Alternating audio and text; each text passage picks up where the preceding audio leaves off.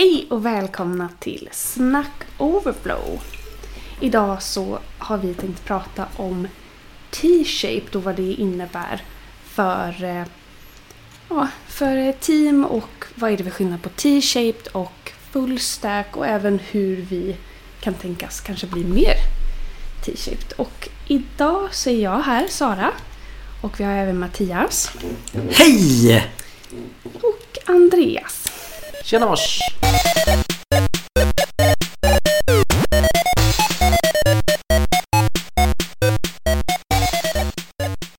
Och nu eh, så har ju vi suttit här och pratat lite innan, innan själva inspelningen började. Och vi kom ändå fram till att vi skulle ha lite av en personlig fråga. Woho! Dagens väldigt eh, utmanande fråga är Vilken är din favoritblomma eller planta? Och jag tänker lämna över ordet till Mattias. Och jag, jag följer ju inte regler. Nej, det får du För- inte. för-? För, för, för, vi har ju en tydlig uppdelning i hemmet. Tove Mm. tar det som, som, som är fint och jag tar det som man kan äta. Så Mm.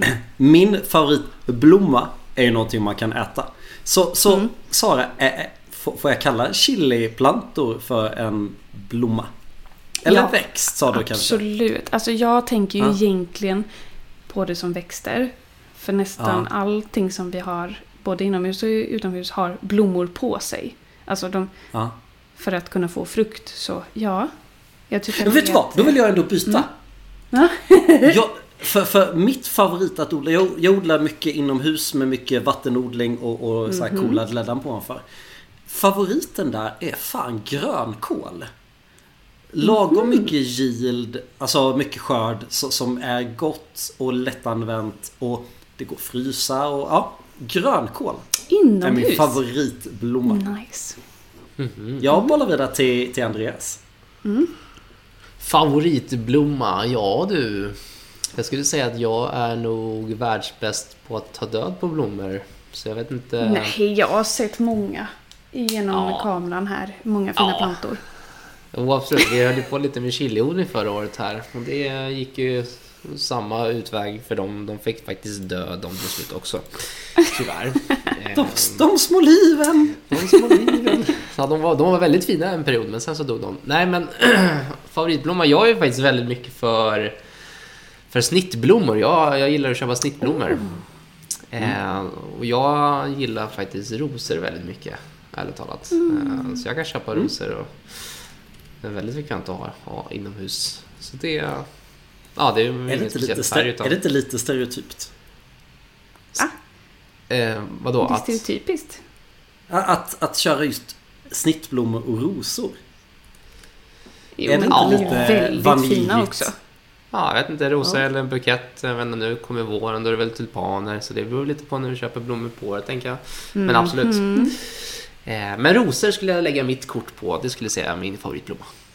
Mm. Ja, det är Med tanke på Saras bakgrundsfärg på Teams skulle jag tro att hennes favoritblomma är alla typer av opiater.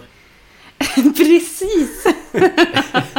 Nej, jag tycker Valmo är jättefint och jag får exakt den där kommentaren.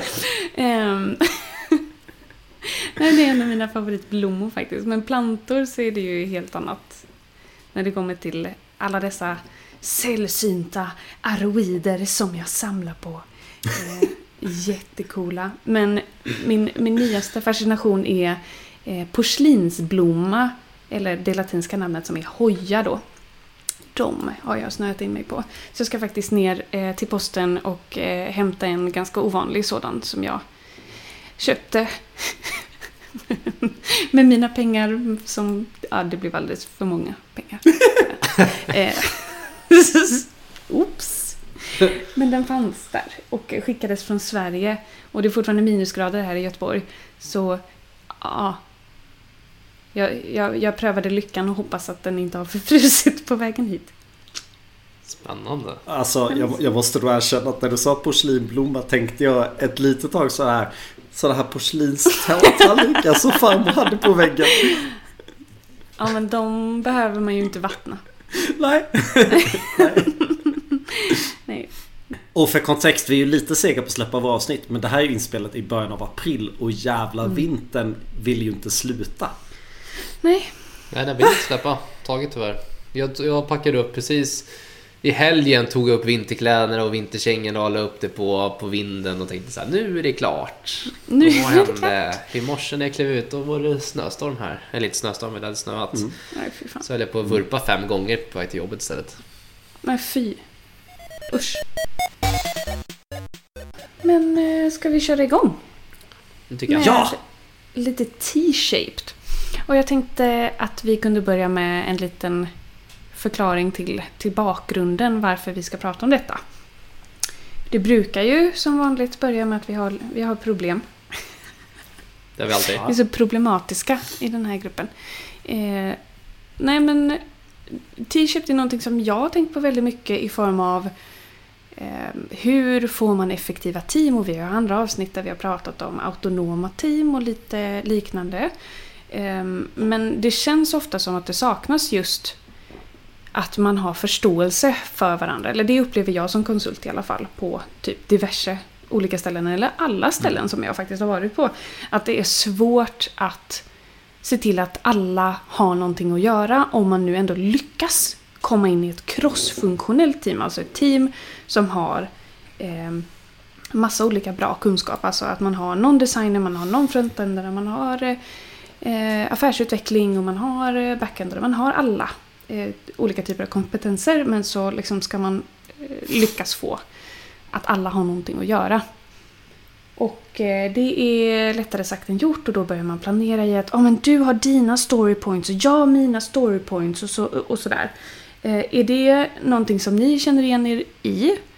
Eller känner, eh, för, för jag tänker också liksom säga, jag har nog aldrig riktigt varit i ett team som faktiskt varit T-shaped. På riktigt.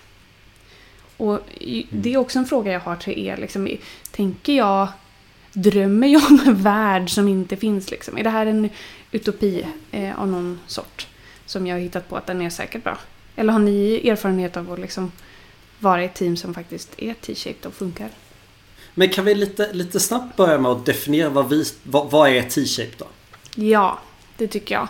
Ehm, ja, jag har en definition, men jag har pratat så mycket nu. Så eh, Ja. Jag Får, får, jag börja gissa då så får ni veta. Ja, ja. Jag ser det som bokstaven T. Du, du ser din kompetens uppifrån och den, ju, ju djupare du blir ju mer djupt kan du någonting.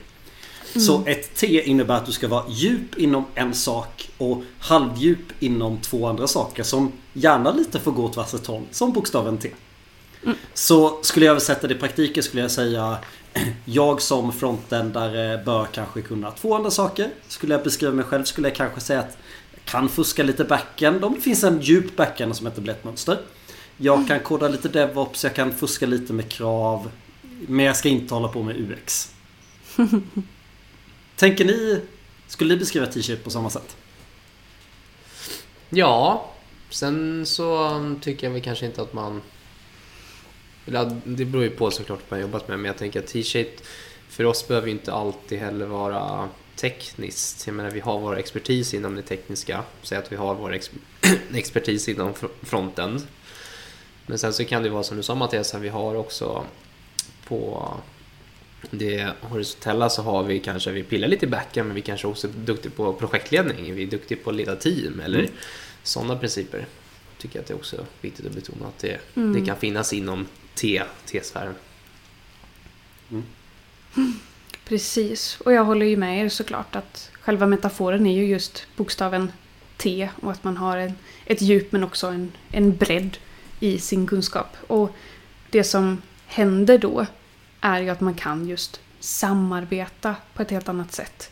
För att man inte har silos i teamet, utan man bara har i shaped, höll jag på att säga.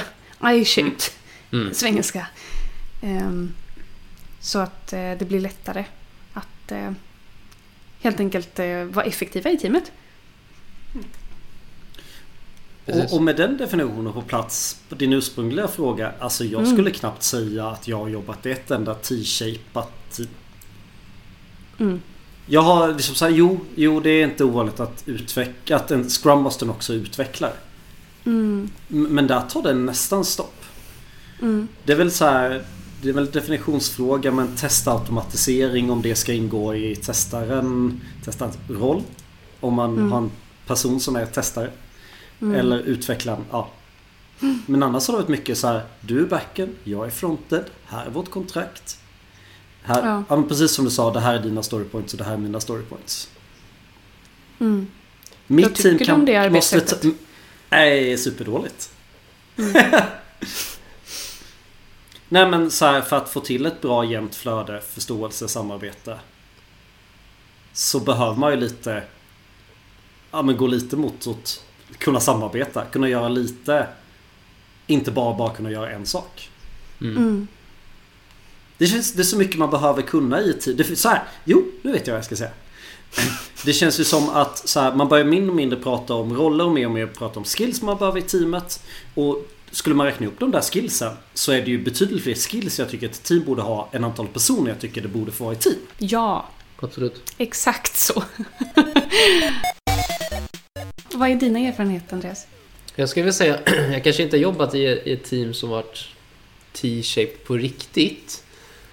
Men jag skulle vilja säga att det projekt jag är i nu är väl det närmsta T-shapet jag någonsin har kommit. Eh, Men det är Mm. egentligen bara på utvecklings... Alltså utvecklaren i teamet. Jag skulle inte säga att Mm. T-shape sträcker sig över de andra, de andra kompetenserna. Till exempel om vi tar utvecklaren så så vi har alla vår, sin eh, expertis i fronten men de flesta är väldigt duktiga. Liksom. De, har, de kan liksom backend och de kan DevOps. De kan... ehm, hy- någon kan liksom UX och sådär. Så, och så finns det också lite kompetenser som är att leda team och liksom Scrum Master och sådär på, på utvecklarna. Men om vi går upp lite och kollar på på kanske analytikerna, på designerserna, på projektledarna, på ja, på de typerna av kompetenserna då, då eh, är det kanske inte riktigt lika lätt att hitta T-shape som jag ser det. Ehm, det kan ju Mm. vara för att jag inte kollat så, så noga men vad jag ser initialt så är det T-shape är lättare eller är lättare att hitta i alla fall bland utvecklarna än bland de andra rollerna i, i teamen. Mm. Varför tror du det är så? Jag vet inte, jag tror, jag tror att det är, det är ett klassiskt eh, problem i, bland utvecklarna att vi, vi utvecklare har oftast historiskt sett få, få pillat i väldigt mycket olika saker. Vi har liksom haft frontenden som kanske har pillat lite UX, vi har frontenden som har pillat lite DevOps, vi har liksom de typerna och samma sak med med backends eller vad för typ av utvecklare det är. Det, man får pilla oftast olika delar även fast man kanske inte har sin expertis inom det. Och därför får man en, en T-shape lite, lite gratis eller så. Mm. Och jag tror historiskt sett att om man är klassiska att en projektledare kanske inte, ja den leder teamen och den leder projektet och liksom hanterar produkten men kanske inte då rör så mycket mer tekniska skills på det sättet. Ehm, så jag tror att vi, vi utvecklar lite mer bortskämda och fått det lite mer gratis och därför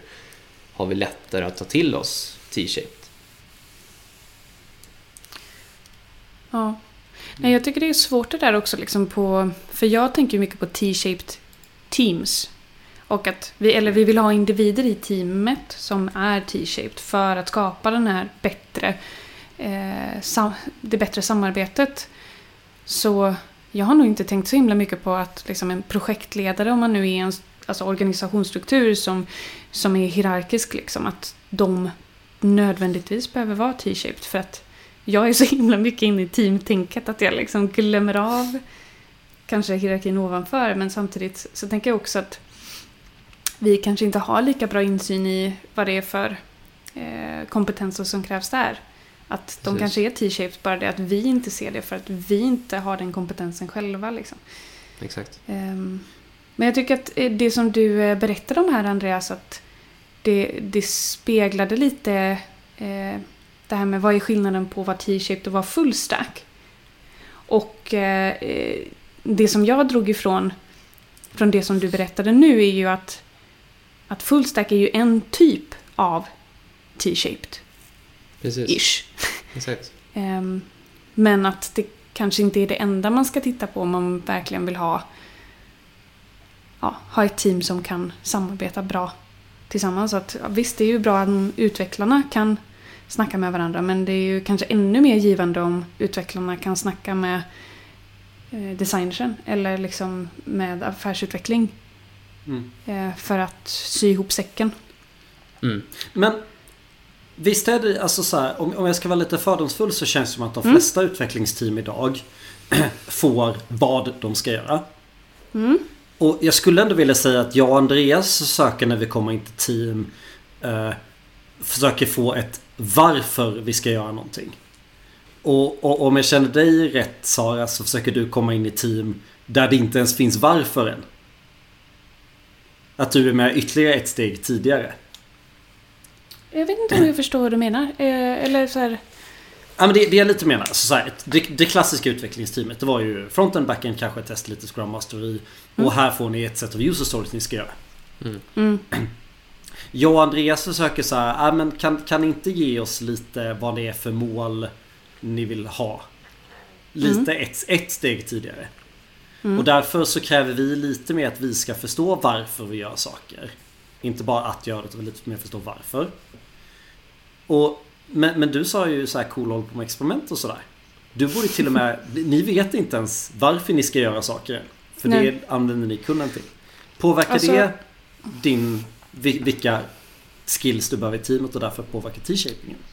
Jo, men du, jag tror, jag tror att du har någonting där med att kompetenserna i teamet blir, det blir väldigt tydligt att vi måste ha affärsutveckling i vårt team. Vi måste ha design och UX liksom. För att vi får inte de här user storiesarna från någon annanstans utan vi skriver ju dem själva. Men Mm. jag skulle nog inte säga, eller så här, vi har ju fortfarande ett varför som kommer uppifrån i organisationen om varför vi ska experimentera. Vi har ju fortfarande ett problemområde. Mm. Men jag känner ju liksom att det här är ju så som jag tycker att alla team borde jobba. Ja. Med, ja, nu finns det ju inga silver bullets men jag brukar översimplificera saker tills jag lär mig bättre. Ehm, och just att, att tänka i experiment och tänka kring att okej, men det här är ett antagande. Det är någonting som gör att det blir lättare att faktiskt hitta det minsta vi kan göra för att lära oss någonting istället för det minsta vi kan göra för att skeppa någonting. Liksom. Mm, Ehm, precis. Eh, och det här är ju första teamet egentligen som jag har fått lov att jobba i experiment. Ehm, så, men jag, ja, om man får user stories uppifrån liksom, då kräver, krävs det ju inte lika mycket av typ affärsutveckling i teamet. Är det, har jag tolkat dig rätt? Ja, Mattias? ja nej, men precis. Och då undrar jag om du har redan nu lite coola lärdomar med problem och, och vad som är bättre och sämre. Ehm, bättre och sämre när det kommer till att försöka hitta det minsta man kan bygga eller eh, t-shirt? Nej, nej, nej men vad, vad, kräver det av teamet, av rollerna i teamet Mm. helt enkelt? Jo, ehm, det som jag känner är väl... Alltså det kräver ju att alla vill experimentera. Det är inte alltid så lätt när man kommer från en bakgrund där nästan alla team får bli tillsagda liksom vad de ska göra. Inte det här är eh, våran hypotes eller det här är problemet som vi försöker undersöka. Liksom. Så det har ju varit en stor utmaning för, för oss att börja liksom prata i hypoteser. Liksom, vad är det vi försöker validera? Liksom. Det är jätte, jätte, jättesvårt att göra den omställningen. Mm. Och sen så komma ifrån att vi hade ett väldigt strikt, alltså, eh, vad ska man säga, silos-team sen innan där vi hade du är frontendare, du får bara göra frontend-grejer. Och du är backendare och du gör bara din typ av backend. Och sen så har vi den här andra typen av backendare som bara gör det. Och att vissa av de personerna kom ju in i det här experimentteamet.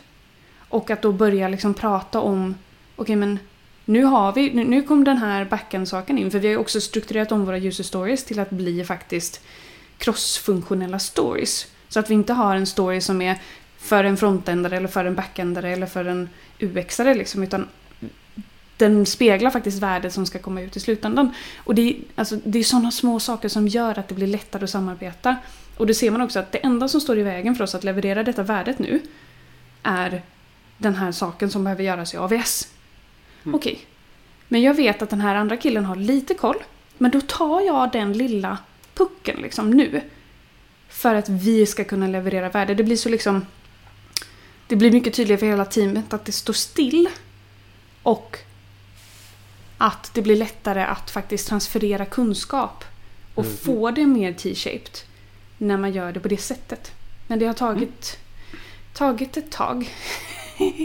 och många skrivna tasks från mig. Utan att Mm. någon har bett mig.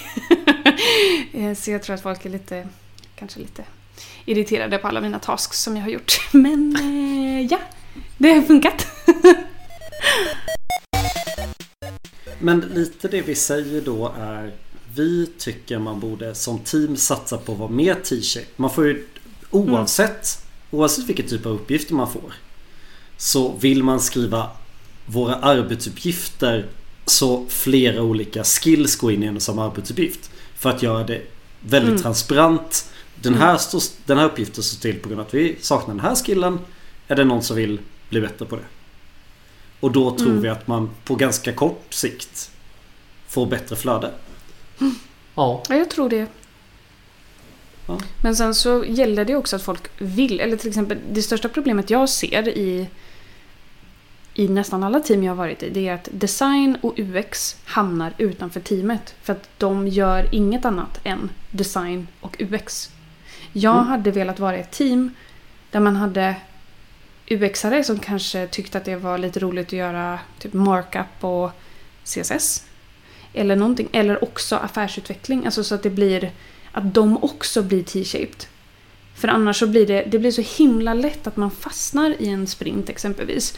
För att de, quote unquote, inte har något att göra. För att det finns inga designuppgifter just nu. Mm. Och ehm, jag själv känner ju att det är jätteroligt med UX. Just själva problemlösande fasen men kanske inte så kul att bestämma färg på knapp eller hur den ska se ut. Liksom. Det överlåter jag gärna till någon annan. Men, Men då skulle jag... Får Ja. avbryta? För Ja. jag ser det lite som... Jag, jag gillar att dela på... på eh, jag har skrivit lite slarvigt här i mina anteckningar. UX versus UI. Mm. Mhm. Där jag ser att, att UI Liksom att skapa ett designsystem eller komponentbibliotek eller vad man än har. Att UI får gärna vara i sidan om. Men UX måste vara i teamet. Mm. Är vi inne på samma spår då? Det skulle man definitivt kunna ha om man har ett tillräckligt stort eh, ja, företag som man jobbar på. Liksom, som, Ja, jo, jo absolut. Samtidigt så jag menar, ja. Det blir väl helt enkelt att man äger lite olika problemområden som gör att eh, en, en designer kan sitta i ett designteam och designa stuff. För de löser fortfarande problem liksom. Och då blir alla andra teamen egentligen deras kunder eller vad man ska säga. Mm. Medans det, jag ser också att det kan bli lite av en, en puck där som förhindrar samarbete eller förhindrar framgång för att en UX-are kanske väljer att använda UI som inte finns och då måste vi beställa det Mm. ifrån någon istället för Ja. att skapa det själva. Mm. Ehm, men det är, det är alltid svårt det där med hur skär man i en organisation för att det ska bli vettiga team. Och hur får man in all kompetens som man behöver utan att bli för många. Och det är lite därför jag gärna ser att UI, alltså de som jobbar som UXare i teamet får gärna ha en annan grupp som jobbar med UI vid sidan om. Mm. Nej, jag vet inte. Jag vet inte heller, det känns som att det finns ingen så här bra lösning på det här problemet. Det finns bara mer eller mindre dåliga lösningar. Men samtidigt så har jag inte fått prova det som jag... Eller så här, crossfunktionella team, ja tack. Nu har jag fått prova det, äntligen. Men jag vill ha crossfunktionella T-shaped team. Ja, just det. Ehm, gärna autonoma, få äga sitt problemområde. DevOps-team alltså. Ja, Ah, det beror på hur man definierar DevOps. jag, jag gillar alltid så här när, när vi fastnar i sådana här lägen. När Mm. är det helt fel att ta T-shaped team då? mm. Jag tycker lite som Sara var inne på att om det inte finns benägenheten till att vilja vara T-shaped så, så ska inte man vara T-shaped heller. Nej men jag menar vi alla vi har väl suttit i team där det kanske är lite motsträvigt till att ta in nya saker oavsett om det är tekniska saker, agila metoder, alltså nya saker är ju, eller främmande saker är ju läskiga för, för många. Och då om det, om det är liksom ytterligare en sak som ska tryckas ner på teamet. Nu ska ni vara T-shape, nu ska ni vara DevOps team, Mm. nu ska ni vara ett safe-tåg, nu ska ni, ja ni fattar. Mm. Eh, Det blir all, aldrig bra när man trycker ner saker på teamen. Men finns, finns liksom benägenheten till att, att vilja vara T-shaped och att liksom vilja hålla på med, säg att en frontend vill hålla på med lite backend, en UX vill hålla på med lite UI, en projektledare kanske också vill göra lite testning. Ja, oavsett vilken liksom kombination av, av skills det är så tror jag att det Eh, Vill man så kan man, men jag tror också att det, det måste vara otroligt viktigt att teamet måste vilja. Mm. Jag är inne på samma spår för jag tror, alltså vi svarade ju både du och jag Andreas att vi inte riktigt jobbat i T-shape team. Och jag tror verkligen, jag tror det är två saker som hindrar. Det ena tror jag att det är nog ganska många som inte vill vara T-shaped. Precis som du säger. Absolut. Men den andra som jag vill ta sidospår att diskutera lite mer då. Jag tror att ett par kanske vill men då vill de få förutsättningar. Det ska finnas tid och, och någon vill, ja man lär sig på olika sätt. Någon vill kanske få Mm. en betald kurs. Någon vill så. Har ni tankar på hur man uppmuntrar folk som kanske egentligen vill att bli? Ja, jag har tänkt, jag har tänkt på det här. att det är ju, precis som du säger Andreas, det är ju aldrig bra att tvinga någon till att göra något på ett specifikt sätt. Det, Mm. det är ju väldigt amotiverande liksom. Men just att det som jag känner saknas ofta är att det är någon som bestämmer att nu ska vi jobba på det här sättet. Till exempel med det här experimentteamet som jag har varit med i nu då.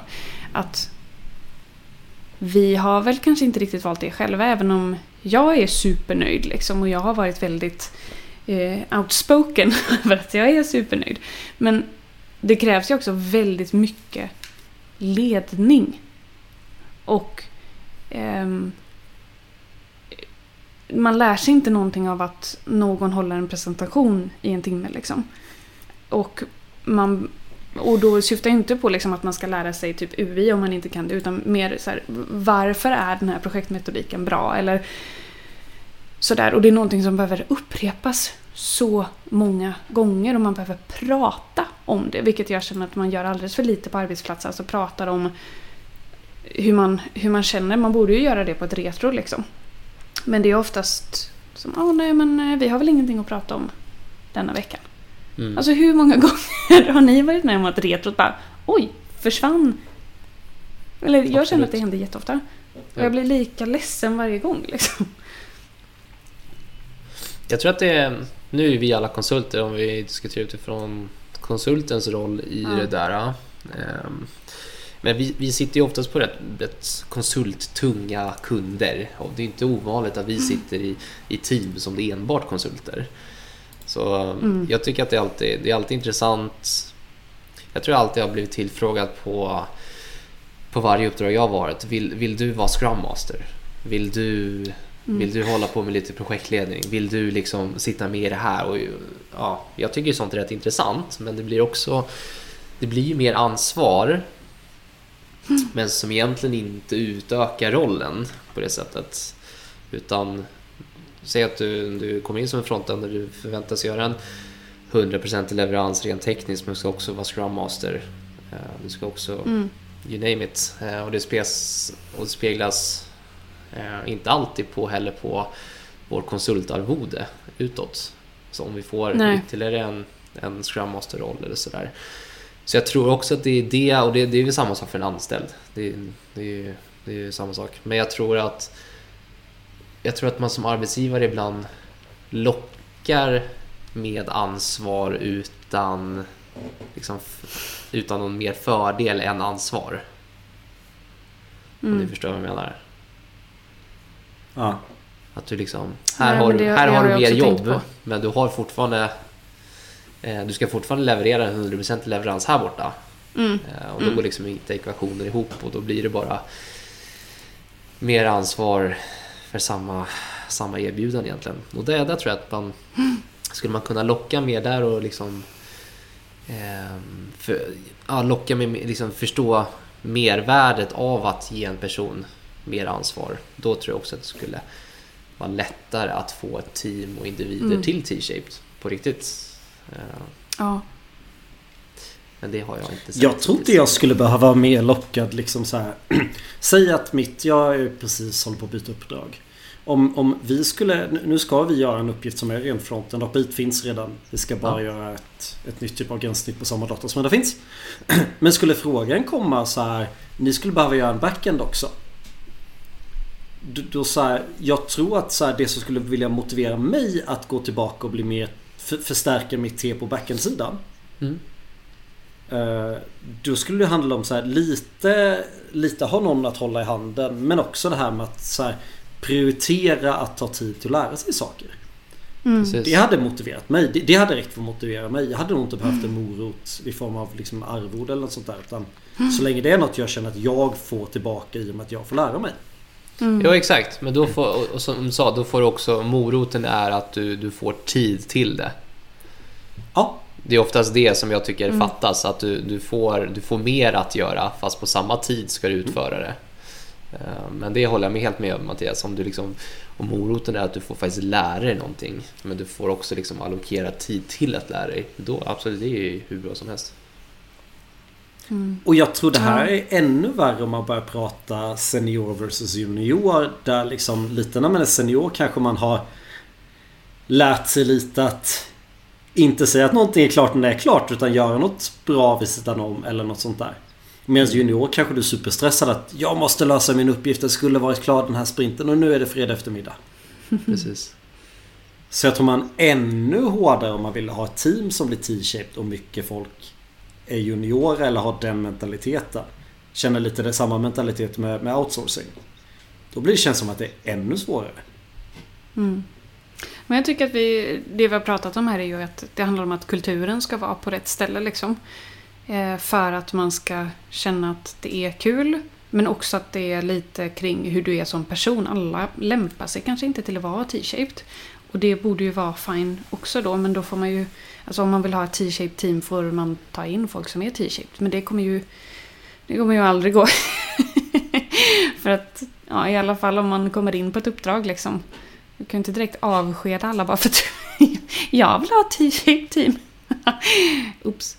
Um, men jag tycker också att det är intressant, alltså beroende på vad det är för kunskap, pratar vi ju lite om här. För jag kan hålla med dig Andreas om att jag har också blivit tillfrågad om jag vill vara Scrum Master och eh, det är någonting som jag, det är ett arbete som jag tycker är väldigt roligt och någonting som jag ändå liksom lägger min näsa i blöt i hela tiden. Eh, Men där känner jag liksom att där vill man ha lite mer ersättning eller vad man ska kalla det jämfört med om jag får göra mer UX-arbete samtidigt som jag brinner ju för att skapa bra produkter liksom så jag är ju fan överallt och ingenstans. Mm.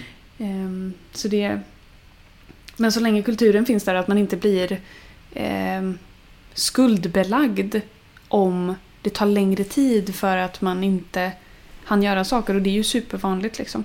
Och jag, jag, jag tror att man behöver komma ifrån det och komma till en lärande kultur. Och det pratas ju, Mm. det är också en buzzword, continuous learning eller vad fasiken man kallar det. Och jag tänkte också på frågan som du eh, ställde förut Mattias om en, eh, hur ser man till att man får ett T-shaped team? Jag tänker liksom, nu har vi pratat om hur man får motivationen till att vilja vara T-shaped. Men vi har Mm. inte pratat så mycket om hur man faktiskt... Alltså vi har sagt lite om att ja, man kan ta på sig uppgifter som kanske är lite mer nybörjaruppgifter inom till exempel design eller AVS eller vad det nu än är.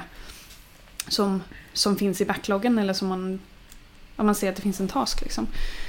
Men jag, jag funderar på, eller jag har varit i flera team där vi har liksom haft en ambition om att typ varannan fredag ha lite lärande, att man har ett blixttal höll jag på att säga. Är det någonting? Har jag hittat på det? Man har en liten in, inlärningssession tillsammans. Man håller föreläsningar för varandra eller workshops. Mm. Eh, sen kan man ju även ha, eh, om man kollar på SAFE, oh, eh, så finns det ju den här sista IP-sprinten varje programinkrement som ska vara, vad står det för? Innovation and planning, tror jag att det står för. Japp. Så då, eh, då har jag i sådana team som har varit väldigt backend-tunga och jag har varit den enda frontändaren.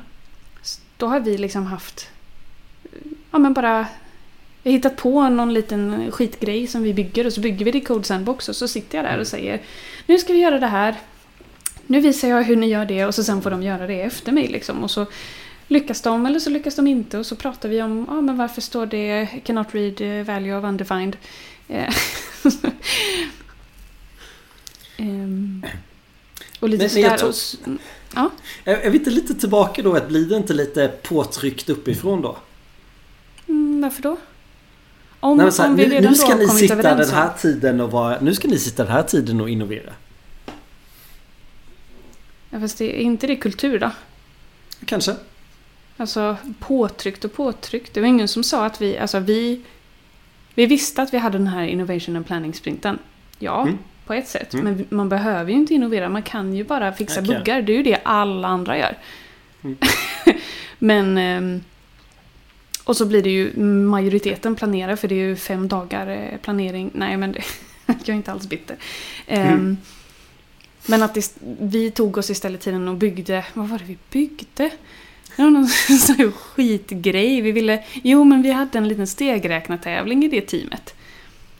Och så ville vi bara liksom ha något grän, gränssnitt och liksom stoppa in det i. Och då tänkte vi att ja, men vi tar den här innovation and planning till att hjälpa varandra att lära oss andra saker. För folk var intresserade av att kunna React liksom. Mm. Så nej, jag skulle inte säga att det är det teamet. Att det var påtryckt. Och nästan, nästan alla andra team jag har varit i så blir det ingen innovation överhuvudtaget någonsin. Mm. För att man planerar inte in det. Och eh, den här sista sprinten är liksom bara att åh, men då kan vi refaktorera detta, städa lite. Eller lösa den här buggen som har legat alldeles för länge. Mm. Men kan man inte... Och vi nu är i skopet. Hur går man att... Hur, tar man första stegen mot att börja bli lite T-shaped? Mm. Är, Mm. är vår första råd... Se, använd er innovationstid. Kan man ta... Nej, Jag gillar ju små steg här. ja. Jag Det- menade mest att det var ett sätt att kunna komma vidare efter att man... Eller jag tycker att det bästa är att kunna ta... Att man har liksom en mentor i teamet. Att okej, men jag vill lära mig mer GUI. Vart börjar jag någonstans? Och så får man en uppgift. Men gärna liksom parprogrammera. Mm. Eller vad man nu ska säga. Liksom, att man är två. Där den som är mer senior kanske sitter bakåtlutad och hjälper och tänker tillsammans. Alltså det är ju bästa sättet egentligen att lära sig på. Och det här tror jag, nu tror jag verkligen du är Mm. inne på något. För det är någonting, är det någonting jag känner att jag har misslyckats med uppdraget jag lämnar. Och jag inser det först nu för att nu Mm. kör vi lite learning sessions inom teamet. Då är Mm. det alldeles för många uppgifter som varit så här. Det här är Mattias uppgift. Vi väntar till på måndag när han är tillbaka och då får han Mm. göra det här. Ja. Och det, det gjorde jag ju då kortsiktigt och bra. Och, och oftast tyckte jag de uppgifterna var kul också. Det vi sitter nu, det är liksom allting sånt. Jag, jag har ju... Jag har nästan slutat koda utan bara sitter och berättar för andra vad de ska koda. Mm. Så exakt det du är inne på. Alltså, Mm. ta uppgifterna. Ta du en uppgift och bara inser. Om man ska ta baby steps som T-shaped. Om, man sitter, om det finns en uppgift som bara en kan göra. Då ska någon annan göra den. Japp. Japp, och man, jag, jag ser det verkligen som en varningssignal det där eh, när folk säger att ah, nej, men det är nog bäst att den här personen som har gjort så mycket på detta redan gör Mm. det igen. Jag bara Mm. fast för, inte nog med att det inte är T-shaped, det är också, det är också en stor fara liksom för, för hela teamet. Just precis som du säger Mattias, nu ska du sluta i det teamet och eh, det är ingen som vet exakt hur man gör de där sakerna. Liksom.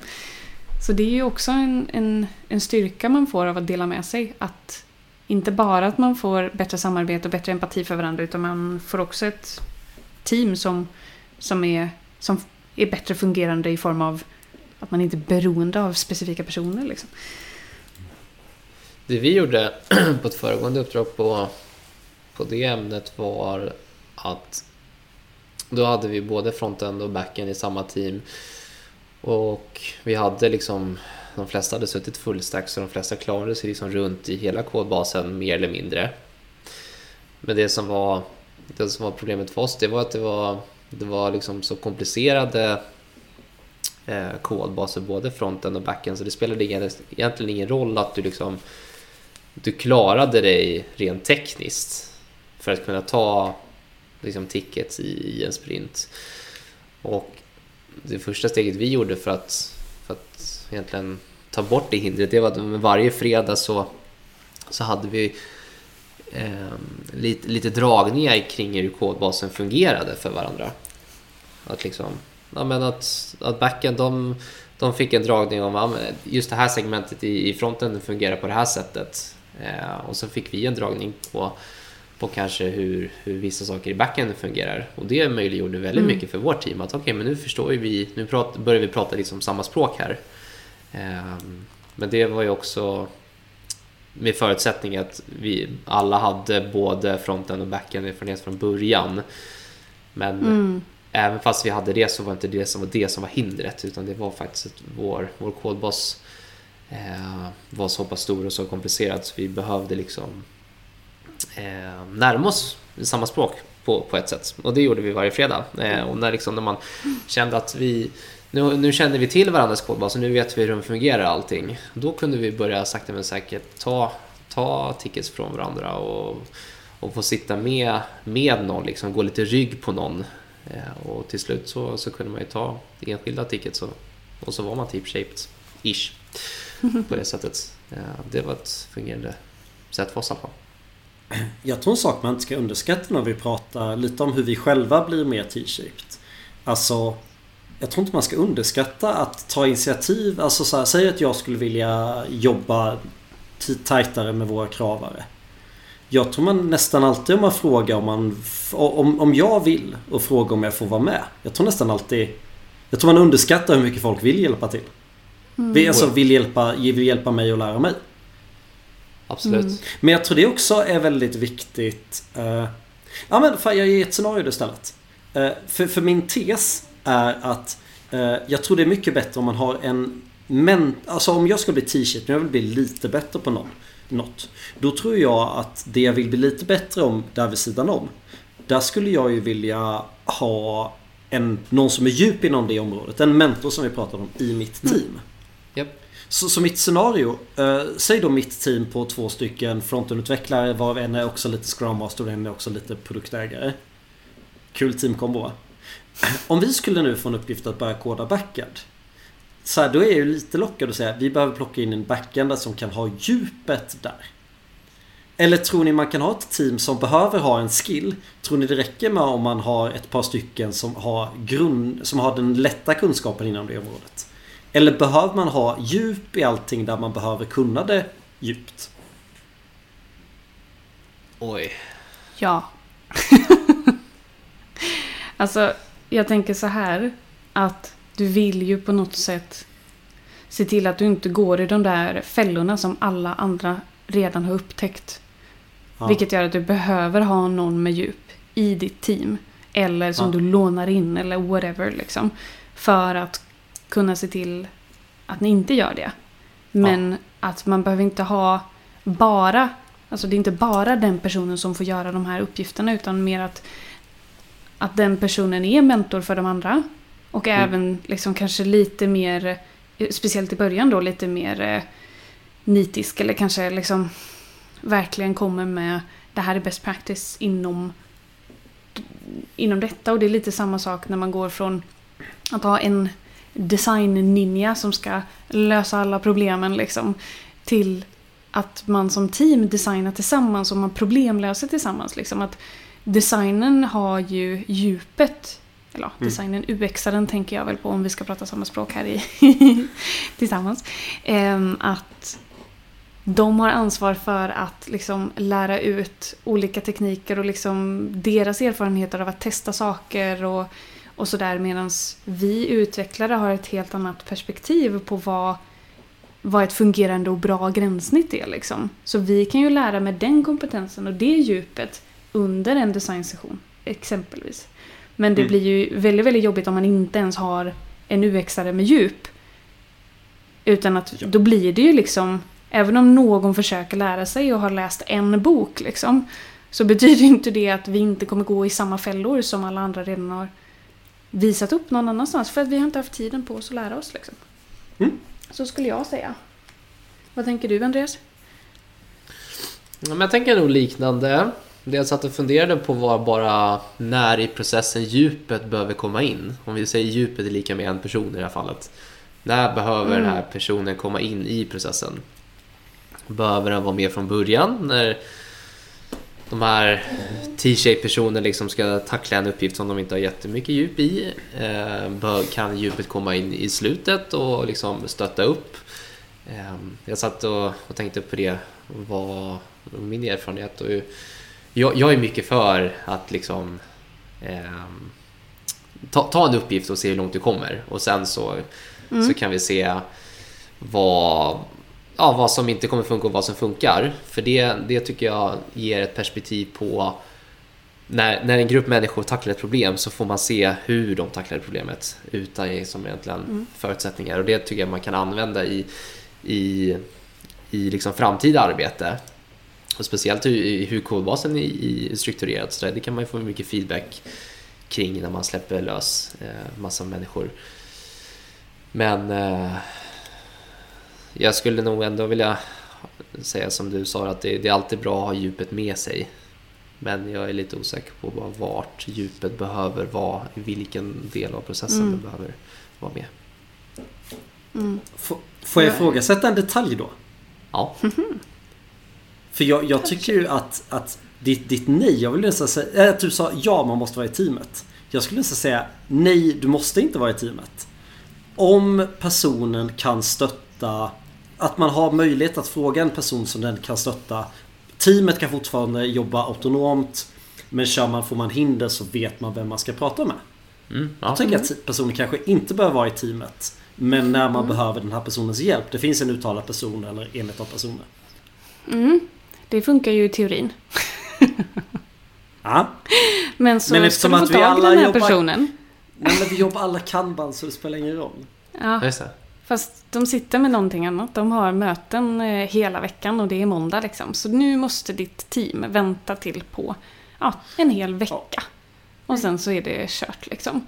Och så sen så har inte den personen heller kontexten så den kommer inte kunna ge dig exakt det svaret som du är ute efter för de har inte koll på exakt det som ni håller på att bygga. Mm. Det, ni kommer få lite hjälp men det kommer inte accelerera T-shaped delen liksom, skulle jag säga. Alltså skälet till att jag obstruerar och, och tycker, det är lite, tycker det är jättespännande att vi har det här ämnet just nu. Det är för att jag har någonstans, min nya fixidé är att ett lagom stort team är max tre personer. Max tre personer! Ja, ja. Ja. Ja, vad fina gester ni gör. Fina gester vi gör. Nej men det känns som att det har varit så jäkla inflation i, hur många man ska vara i team vilket gör att så här, samarbete så här, till helt enkelt skälet tre Det känns som att så här, tre personer kan ha ett riktigt jävla bra samarbete. Har, När jag har varit i team med liksom 6-7 personer Då har du ofta två subgrupper på typ tre personer. Mm. Alltså red, ja. redan vid liksom 6-7 personer. Det är därför jag så här, Det kanske kan vara värt att inte ha djupet inom allt om man vet vem, om man kan få det stödet man behöver när man behöver djupet inom någonting. Okej, Beror men en, det. en mycket ledande motfråga då. Ja. Kan man vara djup i flera aspekter? Vad blir det för bokstav? Nej det blir men inte så T, här. det blir ett, Finns det någon grekisk bokstav för det där? Lig, liggande Det E kanske? en. Liggande F? Ett N? Ja, just det. Ja. Jag, eh, jag tänker någonstans att eh, skillnaden mellan att vara riktigt djup och vara halvdjup någonstans där i eh, kan man kan man etablera mönster. Medan är du inte djup kan du följa mönster. Mm. Ja, ja, jag fattar. S- Säg, säg typ, jag har ett exempel. Alltså jag är ju skitdålig på UX. Mm. Men det fanns en sida som gjorde exakt liksom, samma princip som det vi skulle göra. Med annan data och annan input och sådär. Ja. Och sen så gjorde jag den sidan på typ liknande sätt. Jag frågade den som var djup som satt i ett annat team. Vi pratade i en kvart. Och sen så hade vi en en timmars avstämning i slutet. Där vi småpillade lite. Så, så det är det jag menar. Han hade etablerat mönstret. Jag kunde följa det. Mm. Ja, och det är ju betydligt bättre än att inte... Att bara outsourca till någon annan. Alltså ni kommer bli klara, fär, klara färdigare. Klara fortare. eh, eh, genom att ta det på den vägen. Liksom. Jag tror att det är mer optimalt att kunna ha det i teamet. Liksom, och samköra. Liksom. Och sen så känner jag väl, för att koppla tillbaka till det som Andreas sa, liksom, när, när ska man ha det i början? Ska man ha det i slutet? Ska man ha det genomgående? Liksom? Eh, men jag tror att en, en stor grej när du ska lära dig någonting nytt är att förstå varför du ska göra på ett Mm. specifikt sätt. Liksom. Mm. Och det får du bättre av att planera tillsammans. Mm. Och förstå mer eh, varför du ska göra någonting och gärna tillsammans då som team hur man ska göra det. Så att, det, att man sprider kunskapen redan från början. För att sen alltså, optimalt ha det hela vägen och även få feedback på slutet. Liksom. Men när händer det? Varje Någon som dag. vill eh, vara med i mitt team. Jag rekryterar mig. I reach out to you in the pod. Mm, Please exakt. come to my team. Jag gillar det Mattias. Experter skapar, generalister följer. Ja. Ja, jag skulle vilja säga att T-shape tar oss också utifrån det tekniska området. Det, Mm. kan vara, det kan vara en tekniker som också har andra skills som inte är i den tekniska sfären. Det skulle jag säga är, är skillnaden. För oss då, såklart. Så full, full stack. När någon presenterar sig som fullstack då förväntar jag mig, men det här är säkert bara min egna tolkning, men då förväntar jag mig att man är lika duktig i både frontend och i backend. Annars säger man att man är en backendare som kan frontend eller en frontendare som kan backend. Men jag tror inte att det är så. Jag tror att de allra flesta säger att de är fullstack fastän de egentligen typ kan programmera Node. Och som svar på din fråga så känns det ju precis som Andreas sa liksom att någon som är fullstack då om, om det är så att man ser det som att man är bättre i det ena programmeringsspråket än det andra. Att man då är T-shaped fast inom teknik. Men du kan även vara Mm. T-shaped på andra sätt. Det är liksom ett subset av T-shaped som har fått ett Mm. specifikt namn som är fullstack. Som ett dumt modeord. Typ då. Lägger jag in i värderingen. Jag tänker så här. Jag, jag tycker semantik är viktigt. Mm. För att man ska liksom... Det är ändå så som de allra flesta producerar sina tankar utåt i någon form av eh, verbal kommunikation. Liksom. Japp. Eh, så att bara säga att någonting är ett buzzword det triggar mig liksom. För på något sätt så vill man, då vill man ju ändå ha ett, ett språk så att man kan prata om saker, att man förstår samtidigt som, ja, det kanske är det som är ett buzzword då, att eh, det bara är en, en floskel som egentligen inte säger någonting. Men jag tycker ändå fullstack säger någonting samtidigt som jag uppenbarligen har tolkat det fel. Nu ska jag sluta babbla. Nej, men jag, jag, jag gillar det. Sen tycker, jag, sen tycker jag ändå att användandet är, blir en floskel även om vi har, vet ungefär vad vi tycker att det betyder. Mm. Mm. Även om vi semantiskt har en hyfsat lik tolkning så tycker jag ändå det är en floskel. Det tänker jag stå för. Och det är en floskel för att den har ingen mening? Eller vad, varför tycker du att det är en floskel? För att det står på, på LinkedIn-annonser Vi söker en fullstack-utvecklare. Då känns det lite som så här, har ni förstått vad ni egentligen behöver? Då hade jag Mm. blivit mycket mer attraherad om någon säger att vi behöver en frontend som kan hantera backend eller vi behöver någon som Mm. inte bara kan koda utan även är t-shirt på andra sätt. Ah, jag vet inte. Mm. Något sånt. Ja, jag är med dig. Jag fattar. På samma sätt som semantik är viktig så tycker jag vem, vem är det som äger användandet av den här semantiken? Och där kan jag nästan tycka att det är, är typ rekryterare som äger termen t-shirt eller. Ja, visst. Men men, finns det inte något? Vad fint. Ja, men jag håller med dig. Är det någon som har eh, hunnit tänka på veckans tips? Ja, äntligen dags! Ja!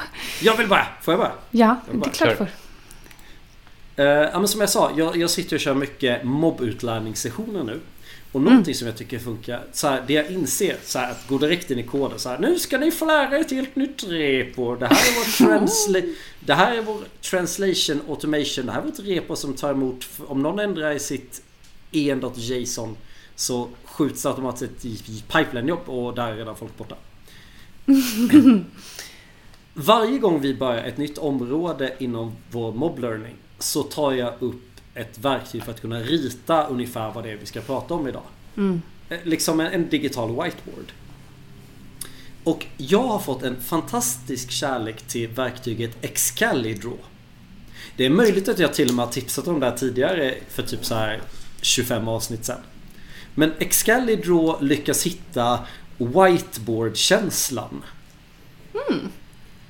Liksom när vi ska kladda något på tavlan så de har något att hänga upp sin kunskap på. Mm. Då funkar det superbra.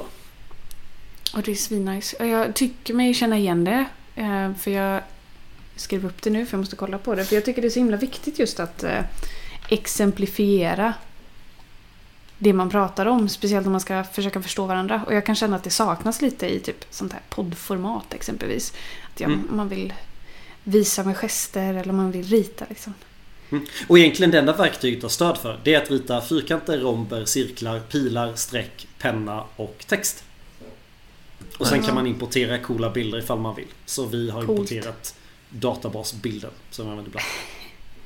Och dat- databas betyder typ backend eller något. Men, men nu måste jag ju lära mig att rita. Nej, nej, nej. Alltså det är ju, man, man gör det ju digit. Det som är bra med det, det är att det finns massa hotkeys. Jag trycker 7 och sen börjar jag skriva texten. Där jag råkar mm. Markera när jag trycker på siffran 7. Det är mitt tips. Det är ditt tips. Vad har Andreas för tips? Men nu, jag har ju börjat ett nytt uppdrag precis. Eller hyfsat precis i alla fall. Kan man väl säga. Ehm, och har väl varit lite... Kanske lite skeptisk innan till React Hooks. Skulle jag väl säga att jag Va? har varit skeptisk Vad till. är det du säger? Eh, och Svär nu, du i sit, kyrkan? nu sitter jag i ett, eh, i ett projekt där de kör... Ja, jag har aldrig sett så mycket hooks i mitt liv. Det är, det är hooks och hooks, hooks, hooks, hooks flux överallt. Ja. Mycket custom hooks också då. Ja, enbart custom hooks. Ja. Nästan. Och Eh, det, det, det är rätt häftigt. Ja, tipset är väl eh, kanske mer en fundering som jag brukar komma med. Jag brukar ju sällan komma med konkreta tips. faktiskt. Ehm, men det jag satt och funderade faktiskt senast idag var på hur man liksom kan managera så, så pass många hooks på ett, på ett bra sätt när man liksom har nästlade komponenter. Det, det är väl en fundering jag hade idag. ehm, Egentligen. Men det, ja, det faller lite platt där. Men jag har inget tips egentligen. Men jag skulle vilja diskutera med någon som kan hooks väldigt bra. Hur man... För hooks är otroligt enkelt att bara skapa. Eh, och vi vet ju Mm. saker, saker är enkla, då överanvänds det väldigt flitigt. Och det Men, men alltså jag måste fråga. Nu, nu är inte jag superhype på hooks som att jag är en vieware i två veckor till. Ja, ja. Eh, för, för mig Mikael, va- varför vill du... Är det vettigt att ha så många hooks? För mig låter det spontant som att det inte låter vettigt. Ehm, för det här use Då kan man ju snart så- byta namn på React till Hookact. Aha, exakt. Nej, men för det här use caset som, som den här kunden har så finns det faktiskt eh, väldigt Mm. bra case för hooks. De har väldigt mycket eh, reaktiva liksom, config-baserade saker som, som behöver läsas in. Så det, det Mm. används... Där, där passar det väldigt bra. Ja, men det hela beror ju också lite på alltså vad man har för programmeringsfilosofi. Vi har ju pratat lite vad är bra kod tidigare.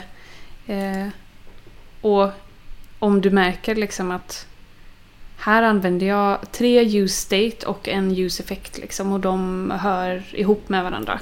Då tycker jag att det är semantiskt och alltså det, det blir lättare att fatta vad den koden gör om du då enkapsulerar det i en annan funktion Även om du inte återanvänder den någonstans till... Det blir ju då en egen hook egentligen. Mm. Som kanske bara exponerar ut det värdet som blir det, eh, det ackumulerade värdet, eller vad man ska säga, från de här fyra hooksen. Liksom. Så jag fyra, tre. Jag kommer inte ens ihåg mitt exempel. Jag är för också. Och att skapa egna. Men var inte någon av de här bokstavsförkortningarna vi hade att man överabstraherar saker? Jo. Avoid Ah, hasty abstractions. Men det handlar ju också om... Alltså det är ju en smaksak. Vad är en liten funktion? Vad är en liten komponent? Ska en komponent bara göra en sak? Och i så fall, vad blir det bästa sättet att läsa? Det är ju liksom olika. Eh, men jag, vad har jag för tips då? Eh, det är en bra fråga. Jag har ett boktips som vanligt. Eh, jag har snart läst ut en bok som heter Escaping the Build Trap. Och den är ju alltså inne i det här med experimenterande och hur du kan göra det. Den, är, den refererar bland annat till eh, Lean Startup. Och det är egentligen ett annat sätt att göra det på. Eller liksom, jag gillar att läsa böcker som ändå behandlar ish samma ämne men från lite olika perspektiv. För man lär sig oftast mm, Dels för att det blir repetition på vissa grejer så kommer det in i huvudet liksom. Men samtidigt så är det skönt att få olika perspektiv för att ja, förstå, se hela bilden helt enkelt. Så den kan jag rekommendera. Härligt. Då är vi nöjda för idag. Vi har lärt oss lite mer om T-shaped, hur vi kan eh, bli mer T-shaped om man vill, men att det också är viktigt att teamet faktiskt är redo för det. Ja, vi har varit alldeles för optimistiska mot T-shapes. Kanske, vi kanske behöver Kanske. ett extra avsnitt där vi bashade. Än negativa. Topp! Ja, men ni får ha det så himla bra. Detsamma, vi hörs! Ciao! Hej då!